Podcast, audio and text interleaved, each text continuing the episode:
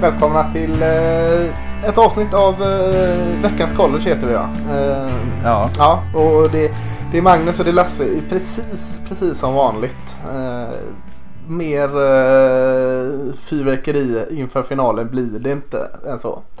inte vad vi vet. Nej, inte vad vi vet. Eh, hur, hur är läget?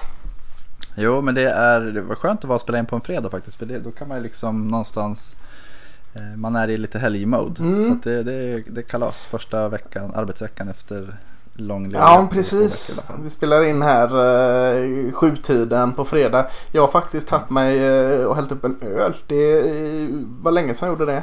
Eh, och väldigt länge sedan jag gjorde det när jag spelade in podcast. Så jag får försöka låta bli att sörpla.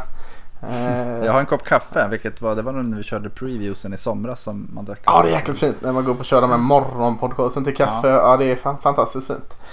Eh, men, men vi ska inte prata om eh, varma och kalla drycker utan vi, vi ska prata om eh, möjligtvis varma och kalla tränare och, och en väldigt varm final som, som vi har alldeles runt hörnet.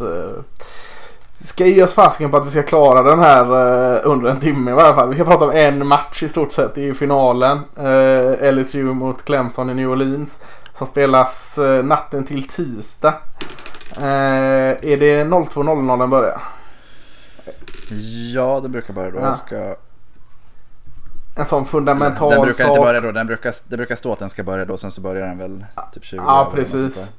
Eh, jag var tvungen faktiskt att, jobba dagen efter. Men jag kunde lägga en halvdag. Och jag gjorde en så att jag la eftermiddagen ledigt på jobbet. Jag tror det kan vara en vinnande taktik. Att man eh, ser matchen, går direkt till jobbet. Sen börjar tröttheten komma och då åker man hem. Jag tror, jag tror det var ett, ett smart drag av mig. Kan, bland mina bästa drag.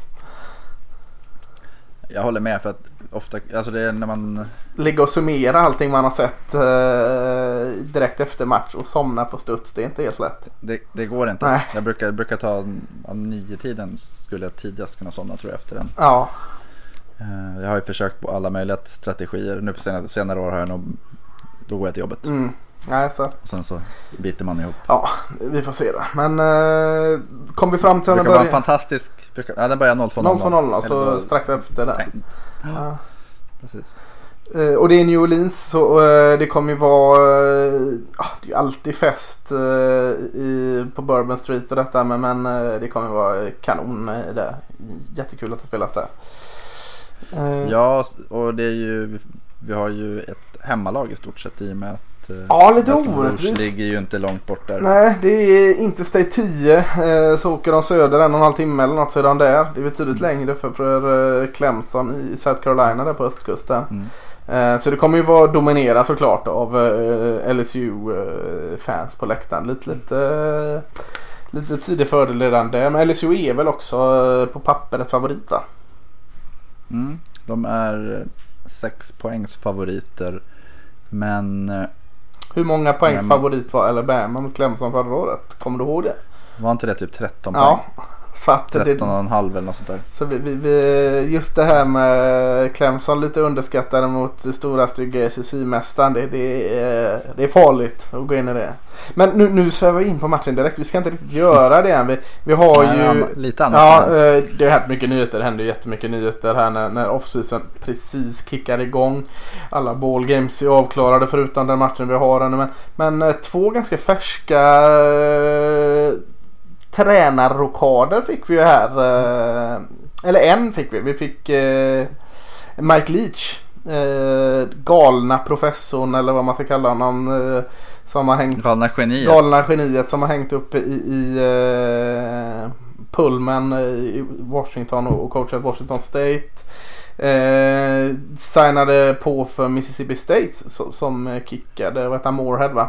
Ja, Jim Moore. Som inte, Joe Moore. ja just det, kom som från OC från Penn State där innan. Fick inte ut alls vad man kanske hade hoppats och trott. Både du och jag var väl lite positiva till den när den anställdes. Eh, Ja, det visade sig att Saquon Barkley och Trace McSorley hade mer att göra med hans framgång kanske. Ja, lite så. Eh, så nu fick de nog i honom och eh, tog eh, och knyckte Mike Leach från Washington State. Vad, vad är spontana tanken? Det har man ju lätt när det är Mike Leach inblandat. Nej. Och vi kan väl bara säga det innan vi går in på den i det getingboet så har vi Moorhead. Han, det ryktas att han är på väg till Oregon som, eller OC. Ja, okay. Så att det blir ju två sådana här, Mississippi, att Mississippi State sparkade Moorhead blev två slag i magen på Washington State. Ja, just det. I samma division. Ja, det är schysst. Ja, nej men Mike Leach, alltså det är ju, jag tror du skrev det på Twitter att vi har Lane Kiffin i Oxford och sen har vi då Mike Leach som, om man ska hitta någon galnare än Kiffin så är det ju Leach. Ja, men det var lite så här. Jaha nu, nu, nu tar Ole Miss Kiffin här. Jäklar vad de får tid i rampljuset. Vad har vi för tokare? Ja men vi har ju Mike Leach där uppe. Ja, vi tar han nu så vi kan liksom hamna före Ole Miss igen här.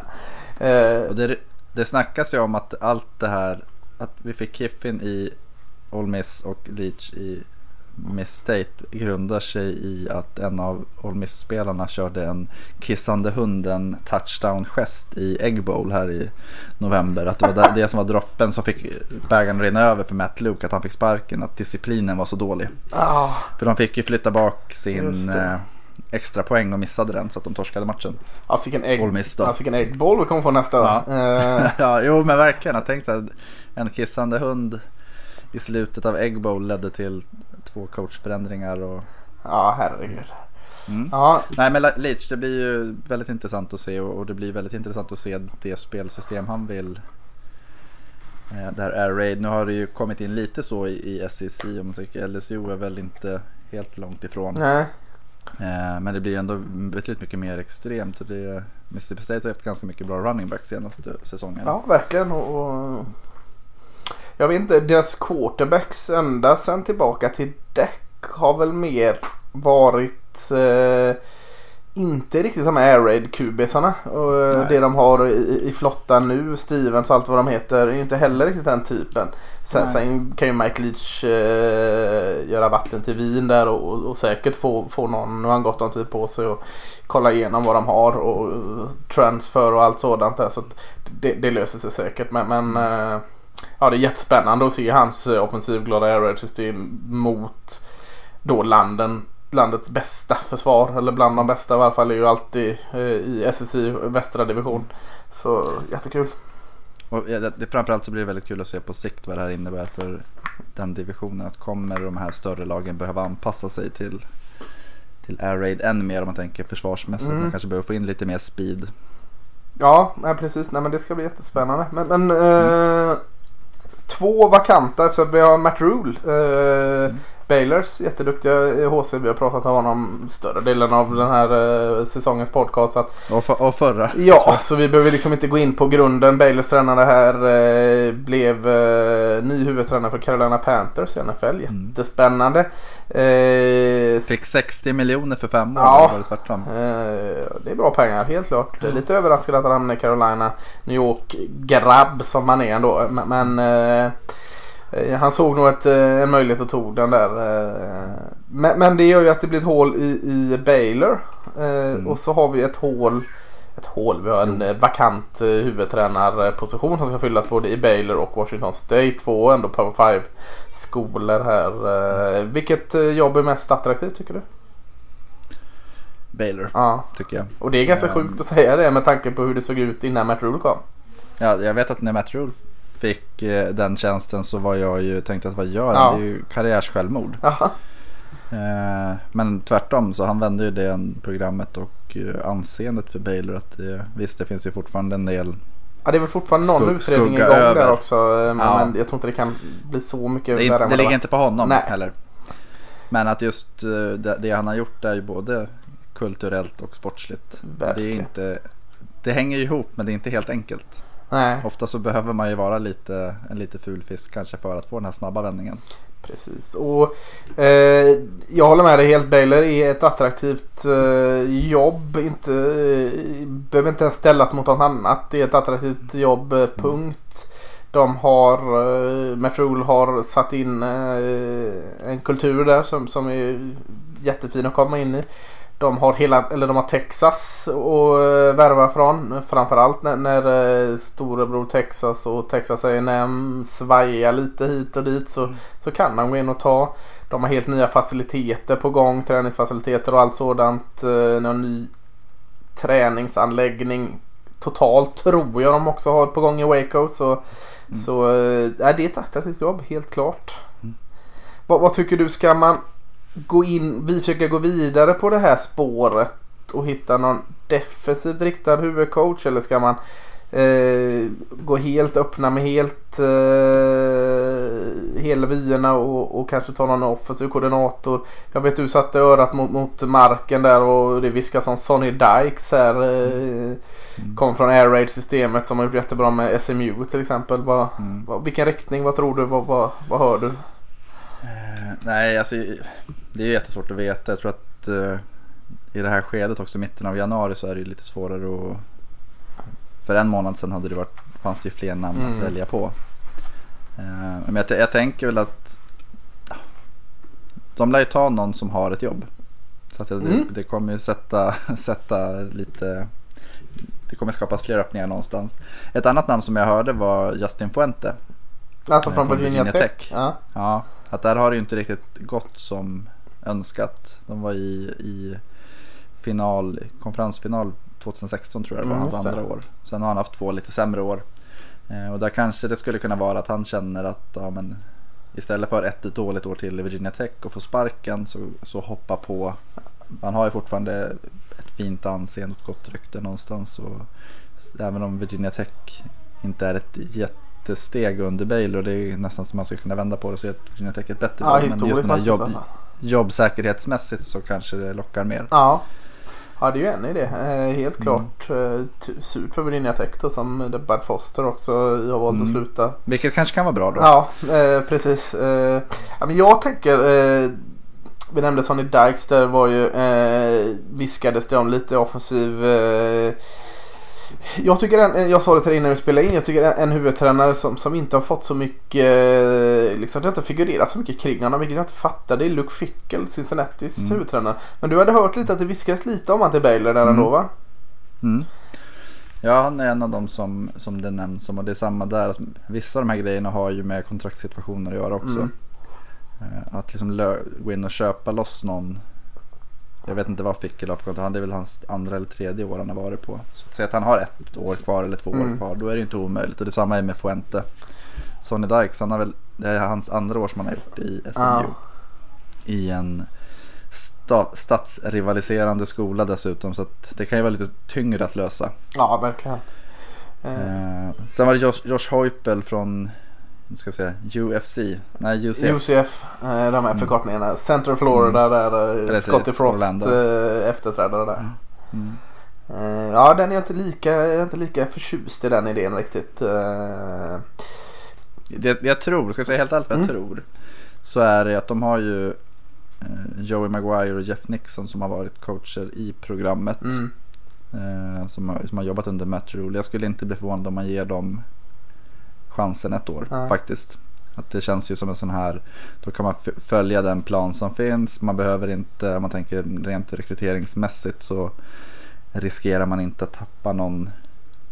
Ja, någon kanske lämnar för att Rule försvinner men det är ändå att det finns ett, man, beh- man behåller kontinuitet i det tänk som fanns i alla fall. Ja, Eh, För det är som sagt att börja om nu här i mitten av januari. Man tänker att Sonny Dykes eller någon mer offensivt inriktad tränare skulle komma in så blir det ju en viss ändring i att hur vill vi spela och kan, då, då kan det här Baylor-laget som gick till final kanske få ett betydligt mycket sämre år nästa år för att det blir ett ombyggnadsår istället. mm, nej, nej, nej. Jag är så insnöad. Jag tycker Todd Grantham, defensiva koordinatorn i Mm. Florida, hade passat jättebra för den här rollen. Eh, eh, Men, men jag vet inte hur situationen ser ut. Där även Dan Lenning, BSN i Georgia har varit spännande. Två, två bra Mm. försvar. Men, men eh, vi kan helt ta detta då. Vi kan ju nämna 30 namn. Så att vi, eh, Mississippi, eller vad säger Washington State då. Eh, Där hade ju Sonny Dykes gått in och bara tagit över vad Mike Leach gjorde mer eller mindre. Men, men Mm.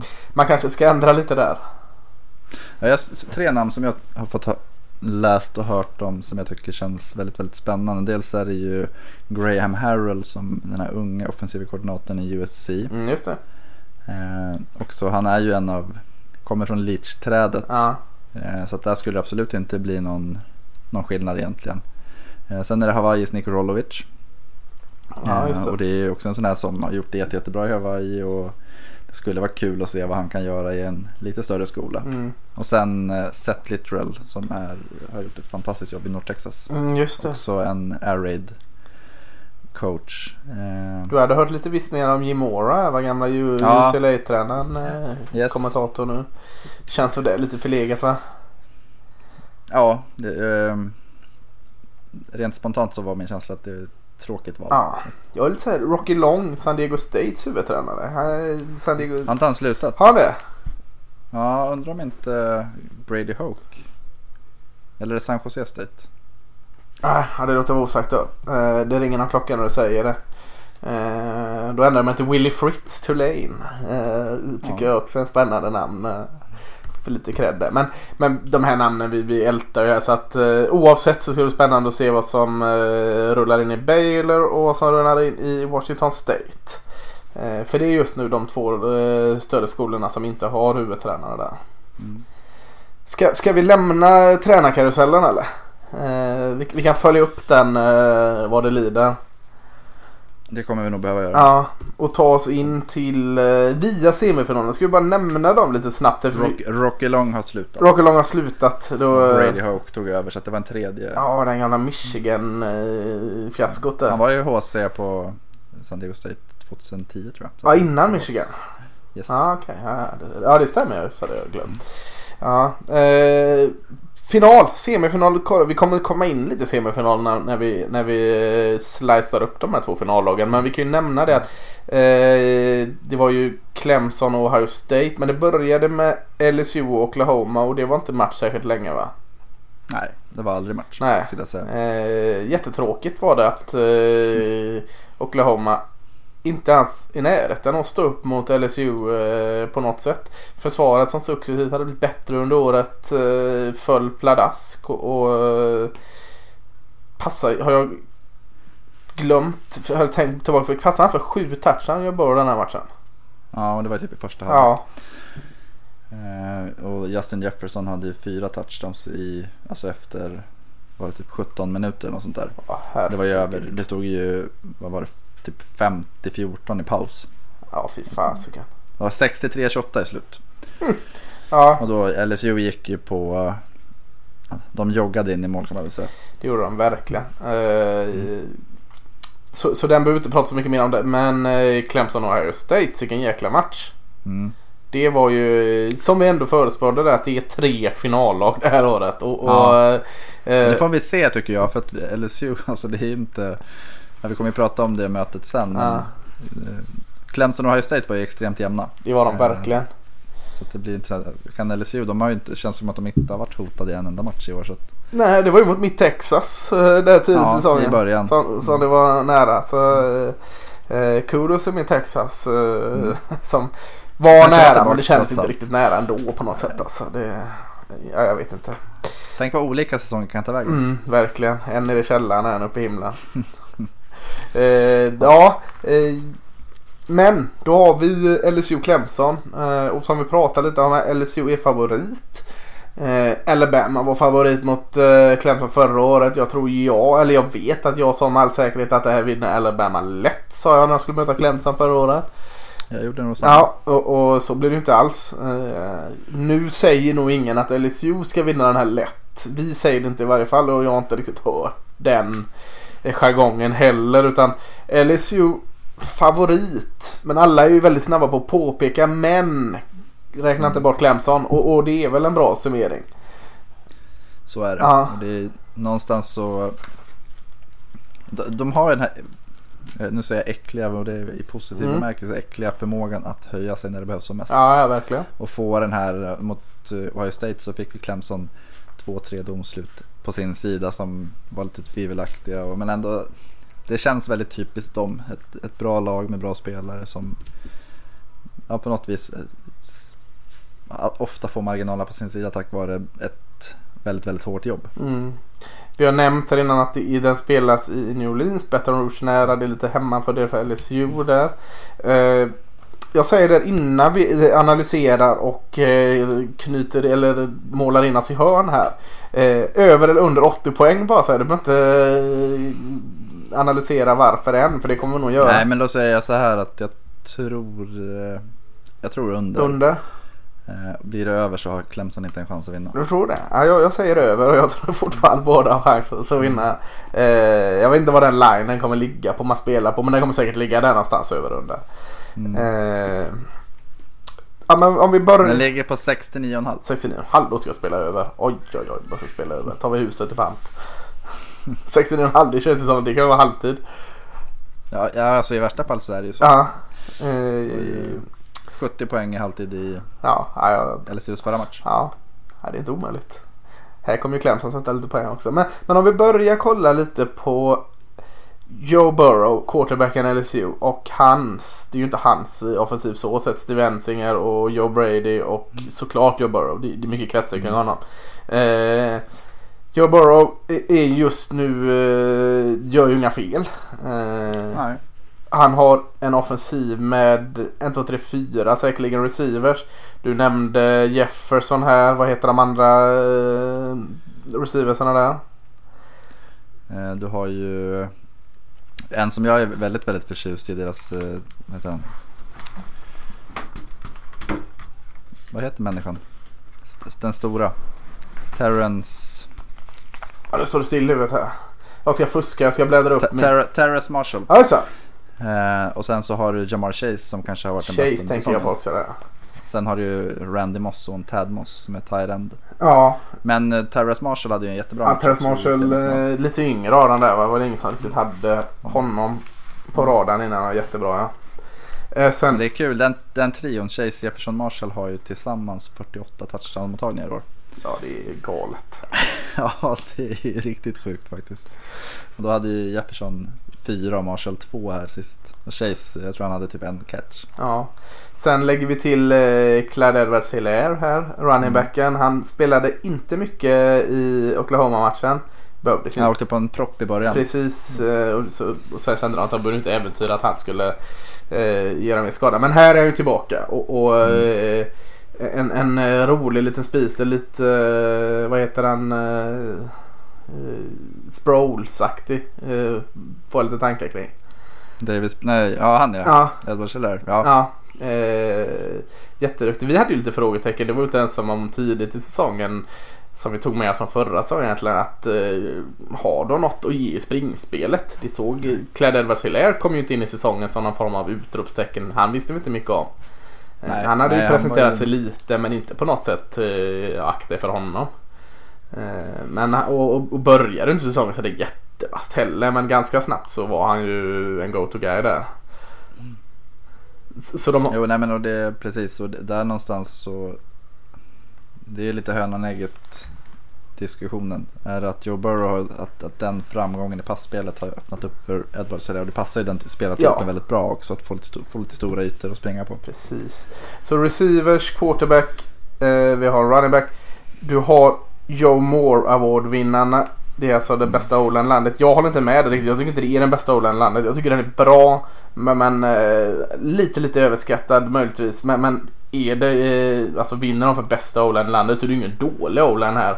Leds väl av eh, Cushenberry här, centern. Eh, så, så eh, om vi säger så, det är ingen svaghet men jag håller inte den, jag håller den ungefär jämnt med Clemson så att eh, jag tycker den, den jag, jag köper inte riktigt den vinsten där men det är svårt att, alltså om man tänker vad eh, Burrow har gjort så är det ju Det är lite samma diskussion som i NFL egentligen att Jag tror Ronnie Stanley vart All Pro Left Tackle eh, Orlando Brown hade, kom också väldigt högt upp i, som right tackle och de gjorde bägge sina bästa säsonger någonsin. Mycket av det handlar ju om Lamar Jackson. mm, precis. Så är det ju och eh, det är ju ge och ta där. Quarterbacken Mm. spelar såklart bättre och en bättre linje. Men, men Ja. eh, ett helt tokigt bra offensiv. Jag, jag kommer inte ihåg jag har inte sett college i hela mitt liv och inte innan mitt liv såklart. Men eh, jag har svårt att se att man har, har haft något liknande i Baton Rouge innan. Alltså, eh, de senaste i alla fall 20 åren vill jag säga. Eller i alla fall 15 har man ju pratat om LSU. Om deras starka effektiva defensiv vi hade lite kryddor där när Odell Beckham Jr och eh, Jarvis Landry var receivers upp och så var det han Mettenberger som passade. Mm. Eh, Men då var det ändå inte så att man pratade om LSU som ett Nej. superanfall. Nej, det var försvaret där också. Så att det här är ju något unikt med detta LSU-laget. Alltså det eh, finns ju andra som, som har följt LSU betydligt längre än jag såklart. eh, Och det, men, men jag tror aldrig man har sett på maken av detta i Baton Rouge innan. eh, Och eh, Joe Brady här som är QB-coach och vad, vad har han med för fancy-titel? på, eh, Passkoordinator eller vad? Passkoordinator. Eh, och så Steve Ensminger, offensiva koordinatorn här, ska ha väldigt mycket beröm. Att de har liksom fått detta på plats ganska snabbt också. De, de, förra året var det ju bra liksom. Det var, eh, det var bra. Men, men eh, sånt stort kliv som de har tagit till sitt andra år. Det är ja, helt otroligt när man tänker på det. Mm. Eh, Ja, men det, jag kan bara instämma. Ja, och, och så eh, kollar vi Clemson då. Clemsons offensiva, om vi ska gå in på den. Eh, du kan ju göra samma egentligen. Eh, Trevor Lawrence, eh, bäst när det gäller. Det är han ju alltid. Ja. Eh, vi kan ju inte bli överraskade knappt längre. Han är ju alltid bäst när det gäller. Kolugn, eh, spelar som en, eh, har ett gammal mans sinne med lugnet och, och allt sådant. Det var lite kul för vi pratade om innan när man sa att eh, Justin Fields i Ohio State skulle vara ett eh, att han är ett dual threat mer och Trevor, Lawrence, eller, jo, Trevor Lawrence är mer en pocket passer. Trevor Lawrence sprang för 107 yards hade en 67 yards touchdown run Mm. och Justin Fields sprang för fjo- 13 yards på 14 försök. Ja, Så att ja, men Lawrence är, han påminner ju lite om Deshaun Watson under Clemson-åren också. Att lite så här eh, alltid bra, lite slarvig kanske när det inte gäller så mycket. mm. Och sen när det gäller som mest då finns skärpan där. Precis. Och jag tänkte vi ska komma tillbaka till, till eh, QB-jämförelsen här eh, alldeles strax. Eh, men, men jag tänkte just stryka under eh, Clemsons ledande offensiv. Jag vet en av dina absoluta favoriter i årets draftklass är ju wide receiver T. Higgins. Ja. Eh, finalens bästa wide receiver kan vi säga ganska säkert va? Ja, jag, ty- alltså det, jag tror att han kan bli en alltså, riktig, riktig superstjärna i NFL så småningom. Vad är det du gillar med T. Higgins? Eh, Dels är det ju, han, han kan ju spela, han kan använda sin storlek på ett jättebra sätt. ja. Och han har tillräcklig speed för att straffa om, de, om man liksom ger honom för stora ytor att gå på. Att det går liksom inte bara att, att gå fysiskt mot honom. Så han är liksom stark i kroppen och han, lite samma som Lawrence också att han kliver ju fram när det behövs. Mm. Jag, jag skrev om det i NFL-guiden tror jag det var. Det var nog i år. Eh, om eh, framtida stjärnor och Higgins är inte en spelare som gör de här stora statistiska säsongerna kanske. Nej. Men däremot så kommer han alltid göra, alltså om man tänker det om college receiver då, i NFL så kommer han ju vara bättre. Jag tror att han är bättre än Mike Williams som kom från Clemson för något år sedan. Det är lite samma typ av spelare men jag tycker Higgins har ytterligare lite mer, lite fler dimensioner, lite rörligare. Eh, inte bara stor och stark. Utan Nej, jag tycker det, det är det är ju som är så jäkla spännande med Higgins. För att han ser ju inte ut att vara så atletisk som man är. Han ser ut att vara den här fysiska tuffa jäkeln. Det är han ju också. Men, och han är inte, alltså han är inte vindsnabb är han inte. Det, det ska jag inte säga. Men han är ju snabb nog för den kroppen liksom. Det, det, det är fräckt så. Ja, han har ju många större, stora touchdowns där han har fått eh, liten lucka och sen så har han dragit iväg. Eh, Så det är inte lätt att få tag på honom. väldigt eh, väger sina löpningar väldigt, väldigt bra. Eh, Mm. Eh, och, och eh, solklart en av eh, eh, profilerna i den här matchen. En av jättemånga. Ska man bara kolla det med, med NFL-ögon så är det ju smäckfullt med framtida NFL-spelare här. Vi har eh, hans kompis eh, Justin Ross. Justin Ross. Eh, Nu är inte han upp för draften i år men, men eh, också de kompletterar varandra jättebra. Justin Ross är kanske mer eh, en joker då om till Higgins är i alla fall de stora matcherna den pålitliga så är Justin Ross. Mm. Eh, Jag tänkte säga, det kan man inte heller säga för Hunter Renfro som var i Clemson innan och, och var en sån här matchvinnare i de här finalmatcherna. Ingen av dem är ju den här Hunter Renfro-spelaren men man, man söker gärna efter vem är Clemsons Hunter Renfro i år här liksom som vinner matchen åt dem. Eh, Jag kan inte säga att någon av dem är det. Alla är sin egen person här. Det är... Justin Ross var väl makalöst bra i finalen förra året om jag inte minns fel. Precis, och så har de eh, running backen där, Travis Etienne. Eh, Mm. Som... Också bäst, bästa running backen på plan. Ja, eh, så att vi pratade om ett historiskt bra offensiv i LSU. Och så pratar vi om T. Higgins och Travis Etienne som bästa spelarna på sin position. Vi ska, Mm. vi ska prata Lawrence och Burrow alldeles strax här men. Eh, ja, och så mot LSU försvar, som inte riktigt håller samma klass som Ohio States faktiskt. Eh, så att, eh, och där, där var de offensivt goda nog. Eh, så det är lika spännande precis som det är lika spännande mellan eh, Brent Venables, eh, Clemsons defensiva koordinator och, och eh, Ensminger där, eh, LSUs offensiva koordinator. Eh, det är jättespännande. Men, men du, du var inne och pillade på det lite. Jag tänkte vi ska få vi ska prata ännu mer om offensiv mot defensiv, defensiv mot offensiv tycker jag för att eh, det finns mycket att säga. Men om vi bara stannar vid quarterback. Vilken, vilken är den bästa quarterbacken egentligen? Alltså det kän- man Ja. tänker sig självklart Joe Burrow men, men det är ju faktiskt inte Alltså han pratar som att han ska Nej, gå etta i draften men, men det är fan inte självklart. Nej, alltså skulle, om man säger så här om du är Cincinnati Bengals nu och båda skulle vara tillgängliga. Ja. Vem skulle du välja? Ja, jag hade nog valt. Nej det, det är så Nej. svårt. Det är ju jättebra summerat av det. Det är som att välja mellan sina barn lite. Men jag hade nog kanske valt Trevor Lawrence mest för att dels är han yngre Mm. och sen så har han ju faktiskt levererat över längre tid. Ja. Eh, och, och, och då är Joe Burrow utan snack kanske den stora quarterbacken i, år, i årets college. Alltså han är bäst i år. Men man kan inte säga att han är bättre än Trevor Lawrence. Eh, vilket också är något helt unikt med den här finalmatchen. Att vi, eh, du fick tänka riktigt länge här nu och du har säkert tänkt på det en och två, tre, fyra ja. gånger innan. Så det är inte så att jag tar det på sängen här med den här frågan. Så, så, så, så lurigt är det och, och bara det är ju jättefantastiskt. Och jag ska... Eh, Vem hade du tagit då? Eh, ja, ja, jag vet inte. Jag, jag, jag, helt ärligt så vet jag inte. Jag pratade med, med en kompis här som frågade mig lite om Burrow och, och jag sa att eh, ta bort hur de är i framtida NFL men kolla bara hur bra de är i college så säger jag att Joe Burrow är den bästa quarterbacken i draften så är Andrew Luck. Mm. Eh, nu pratar jag inte om framtida spel i NFL. Jag pratar bara bästa college-QB'n eh, som kommer ut i draften sen Andrew Luck. Eh, och jag står fan fast för det. Andrew Luck var jag helt galet förälskad i när han var i Stanford. Eh, Joe Burrow är den klassen under hans Alltså, college-tid. det, vi, vi har pratat om det tidigare att det, förr så såg vi de här statistiska freaksen. De spelade kanske inte alltid i lag som vann. Nej, precis. Så att eh, tittar man på hans säsong statistiskt sett och sen att LSU är obesegrade och vad de har mött så är ju det helt sjukt egentligen. Ja, Det ska liksom inte gå.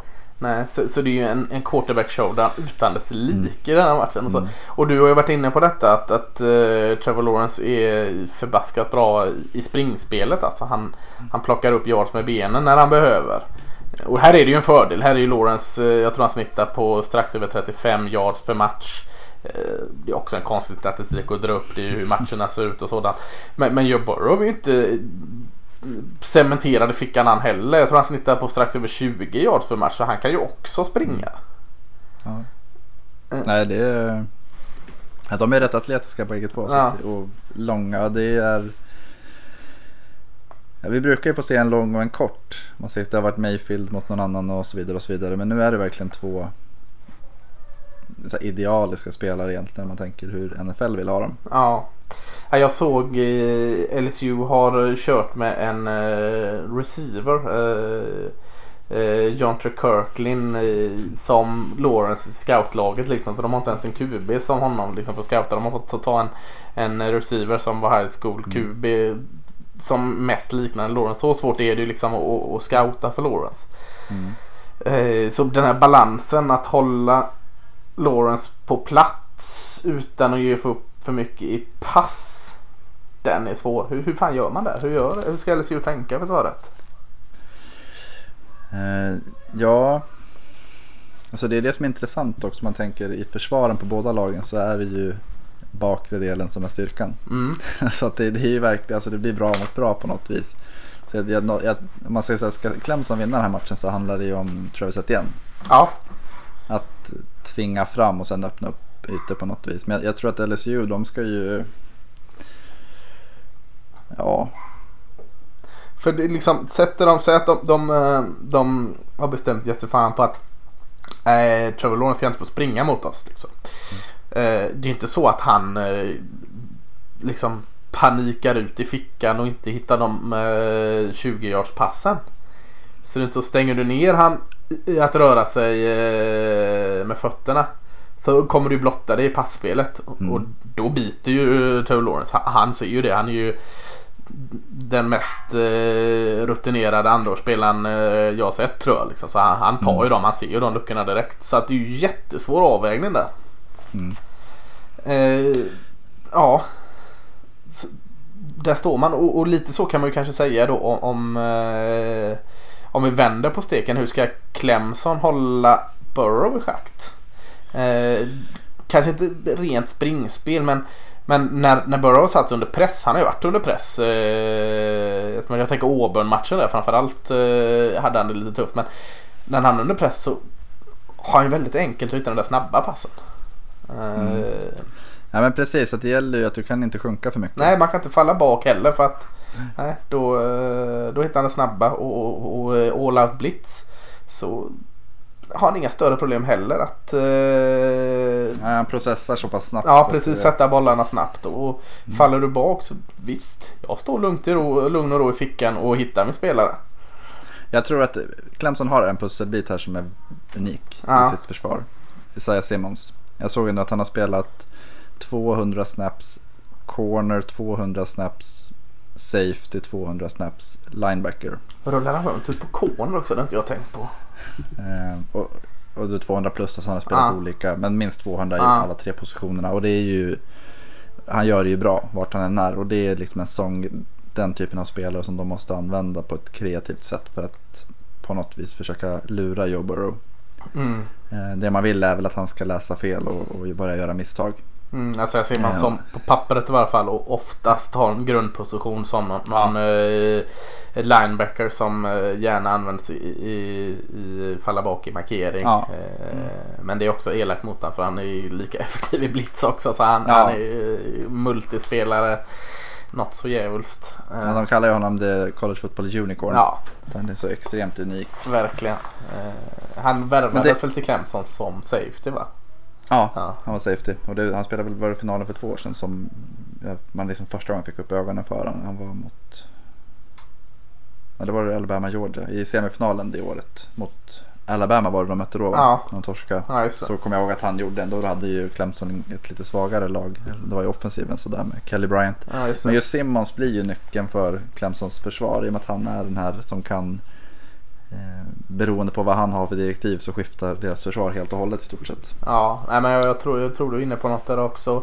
Och jag satt lite och jag kollade alla, alla matcher som, eh, nu har jag sett större delen av LSU-matcher, men jag satt och kollade på, på i rad liksom eh, på datorn resultat liksom och kollade vilka, vilka har eh, liksom hållit det defensivt jämnt liksom, eller hållit nere det mot LSU. Och då fastnade vi i den här Auburn-matchen. Auburn gjorde ju ett eh, gediget jobb mot eh, Mm. LSU. Och, och, och eh, kollade den matchen, stod lite vad de gjorde och jag vet inte om, om det ger något men det kändes som Auburn drog ner på tempot. Alltså försökte liksom slita in så att LSU fick så mycket 3D down som möjligt. Långa jobbiga jäkla drives liksom. Eh, för ju längre drives så ökar ju chansen på misstag också. Och, det, och eh, LSU är ju läskigt effektiva i red zone. Jag tror de är 97 eller 98 procent och då är 80 procent av det touchdowns. Så, eh, eh, och, och Clemson är ju ett bra red zone försvar så att liksom hålla dem till eh, få ner dem, alltså det där vad heter det, bend don't break alltså. Mm. Hålla dem till tredje downs, tredje downs, tredje downs och så liksom få dem till field goals. För att stoppa LSUs offensiv går ju inte liksom. Det kan man lika väl skita i men man kan minimera det på något sätt. Du förstår du vad jag menar? Ja, ja, jo, Ja. Nej, men det, jag skrattar bara för att Ja. det är också så här, vi, vi skiter i att försöka stoppa er. Eh, men det är ju lite så det är. Att, jag, jag tror nyckeln är som du sa att se till att det blir så många spel som möjligt. Ja. Man har inte råd att släppa de här 30-40 yards Nej. touchdownsen som bara kommer pang och sen så är man 7 efter, sen är man 14 efter, sen är man 21 efter. Det var lite så det vart för Oklahoma. Och det är ju som du säger, alltså Simmons är ju så jäkla viktig där att vara en här Duracell-kanin liksom som gör det omöjligt för, eh, för dem att öppna upp de där 30-40 yards passen. Där, där kommer ju han vara eh, helt galet viktig. Mm. Och sen Tanner Muse tycker jag var bra mot Ohio State. Ja, jättebra. Hans bästa match i år. Ja, Ja. och det är också en sån här att kan han spela på den nivån så har de ju A.J. Terrell, cornern som också är topp 50-spelare. Ja, blandar och ger väldigt mycket jag tror jag. jag. Ja, jo, men ändå, det gäller, jag ska komma till att de två måste ju ha toppmatcher. ja. För det underlättar även för Simmons att vara mer blitzande och vara lite mer liksom, attackerande. Vilket gör att kan man få tredje och tio och våga blitza i de lägena på ett annat sätt med Simmons som är som en raket. ja, Eh, då är mycket vunnet. precis. Men om man ska falla ner, för där Burrow är för bra för att som i lugn och ro få leta pass. Ja, nej men verkligen. Och sen som sagt, vi pratar om att de har ju tre, fyra, fem bra spelare som kan ta emot passningar. Så att det är inte... Det håller liksom inte över en hel match. Nej, nej man, man alltså håller man LSU till 30-ish poäng så eh, det är där någonstans man har chansen. Eh, det ska man se som en riktigt god försvarsinsats. Eh, Verkligen. Men vänder vi på det då och, och Clemsons offensiv mot, mot LSU försvar. LSU har ju inte mött så starka offensiv som, som Clemson innan heller känns det som. Det här är ju något nytt för dem också. Alltså de har Mm. mött Alabama, de har mött eh, vad har de mer? Alabama är det starkaste. Texas möjligtvis men Eh, Inte så balanserat som, som, som Clemson är alltså på alla nivåer. Eh, det är möjligtvis eh, Alabama det men det var la, eh, också en jäkla eh, hållgång den mot eh, LSU var, var, inte, var, var inte Tua skadad? Jo det var där höften eh, Ja, poppade precis. ur helsike. Eh, men, men, Så men att, nej, de har inte mött något som är som, som Clemson nu. Det, det, Nej, inte bara för att som kan skada i alla delarna av liksom spelet. Nej. Liksom. Du sa att Travis Etienne kommer ha en jätteviktig match. eh, Absolut. Eh, för han borde kunna hitta gratis eh, yards här liksom, när, när eh, de måste lägga krut på Lawrence. Mm. Eh, LSUs försvar har blivit bättre. Eh, framförallt har de blivit jag tänker en sån som Grant Delpit som har en liten besvikelse i år och, och det finns sina eh, vettiga förklaringar där. Alltså han har varit haltat runt med skador och sånt men han har ju sett allt bättre ut vilket antagligen har att göra med att han har blivit allt friskare. Eh, kommer ju ha en jättenyckelroll där safetyn. Eh, och sen har du som du nämnde innan också det är ju secondary som är grejen här med, med, med Fulton och så vad heter Stingley. Eh, just det, Stingley, eh, nya pojken där ja, som är så bra. Eh, de eh, kommer ju få nyckeln där. Eh, vi har eh, Chason och vi har Queen, Queen och, och Lawrence och dem. Men, men det är inte riktigt de här pangspelarna. Jag tror inte de kommer ställa till det så jäkla mycket. Alltså Chason var jättebra i mot uh, Oklahoma. Ja, Eh, och jag vet att han, det är en liten vattendelare. Han, ja jag gillar Chason. Det var bara så när Ja, det började pratas topp 10 liksom i overall Ja, nej, att nej, det var nej. högt. Så att jag, jag är inte alls mot Chason. Absolut inte. nej, nej, det är Rickard som är. Ja, Han skulle aldrig drafta Nej. inte ens i sju runder. Nej, men, men så att han, det är, om man tänker, han skulle jag säga är LSUs, eh, säga Simmons när det kommer till att man skulle kunna nämna Delpit också, men jag tycker han, alltså Jason känns ju som en sån spelare som är han stekhet. Då har han övertaget på sin, vem han än ruschar på. ja. Och då har han tre sax och han kommer börja jaga. Och det, Lawrence klarar av det. Men jag, tror att, jag, jag tycker någonstans att Clemsons anfall är väl lite, lite mer känsligt för eh, vad ska man säga, negativa spel. ja. Om man tänker skillnad, om man ska säga lite, skillnaden mellan Lawrence och Burrow är att Burrow har fler explosiva spel. Eller fler större spel. Eh, och det tycker jag man märkte även mot Ohio State med Clemsons första halvlek offensivt var ju sådär. Mm, ja precis. Så det är väl någonstans där man tänker att kan Jason och övriga i, i deras pass rush och defensiva linje se till att liksom generera lite negativa och samma sak där egentligen. Vilket lag skulle inte bli sämre av att få spela på andra och tolv och tredje och tio. Nej, så, så, så är det ju såklart. Ja. Men, men just att det, det är väl liksom nyckeln någonstans. Att, eh, för annars är det tredje och tre till exempel. Då, du har ju både Lawrence och Etienne som kan springa med ja. bollen. Och sen så har du tre stora eller två stora receivers som har övertaget på sina corners rent fysiskt. Så att där kan man liksom bara smälla in den på kropp så har de ju de här tre yardsen i stort sett. Ja. Jag kan också se att uh, Grant Elpit kan få alltså, svettig då. Han har ju han är jättebra, alltså jättebra på jättemånga sätt. Men han har missat väldigt mycket tacklingar i öppna ytor. Mm. Jag tänker just matchupen mot T. Higgins. Jag skulle nog ta T. Higgins och utmana Grant Delpit där. Det, det, det kan sluta dåligt för Delpit alltså. Det känns inte mm. som en, en perfekt matchup för just Grant Delpit där. Han kan nog få det svettigt med T. Higgins. Mm. Eh. Nej men där blir det samma sak mm. någonstans. Att, eh, då vill ju inte LSU offra för mycket spelare för att få tryck. Nej. Och då blir det ju, kan de få tryck med, med fyra, tre, fyra spelare så är ju att det, jag vill landa nu i att Jason är liksom den. Ja, nej men jag går allt mer och mer in edge. på att det, det, ja. du är på något där alltså. Ja. Uh, ja, vi kan säkert prata jättemycket men, men om vi liksom summera uh, det här. Uh, vilken offensiv är bäst? Det är LSU. LSU. Mm. Vilket försvar är bäst? Clemson. Clemson. Eh, och vilken quarterback är bäst?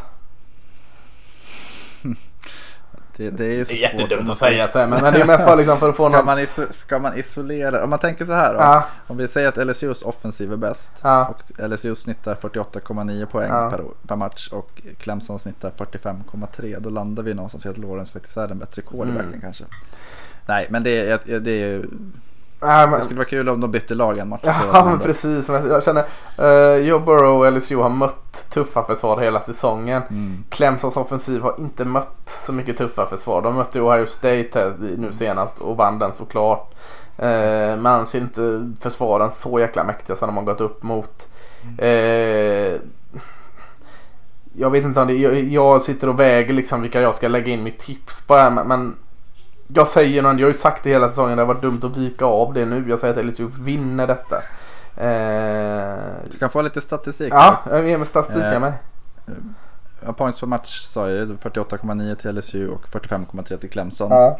Till insläppta poäng så har Clemson 21,6 per match och Clemson 11,5. Och där kommer ju in lite att de har inte mött så mycket jättebra lag. Nej.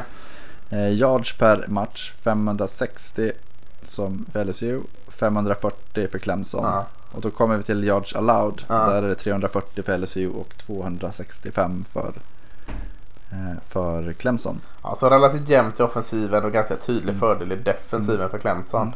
Men med den lilla friken som du säger där att motståndet har varit lite annorlunda för LSU där. Mm. Ja, eh, jag blir inte mycket, det är inte mycket lättare för mig att välja på grund av den här statistiken. Eh, det tycker jag är lite intressant ja. om man tittar att de offensivt så skiljer det inte jättemycket yards i snitt per match. Joe Burrow har kastat nästan 2000 yards mer än Trevor Lawrence. Ja, ja det är sjukt faktiskt. Ja. Det är riktigt sjukt. Ja, ja herregud. Men vilka vinner? Jag säger LSU vinner. Jag säger... Eh, ska jag få upp över 80 poäng här då? Vi säger eh, 48-38. Mm.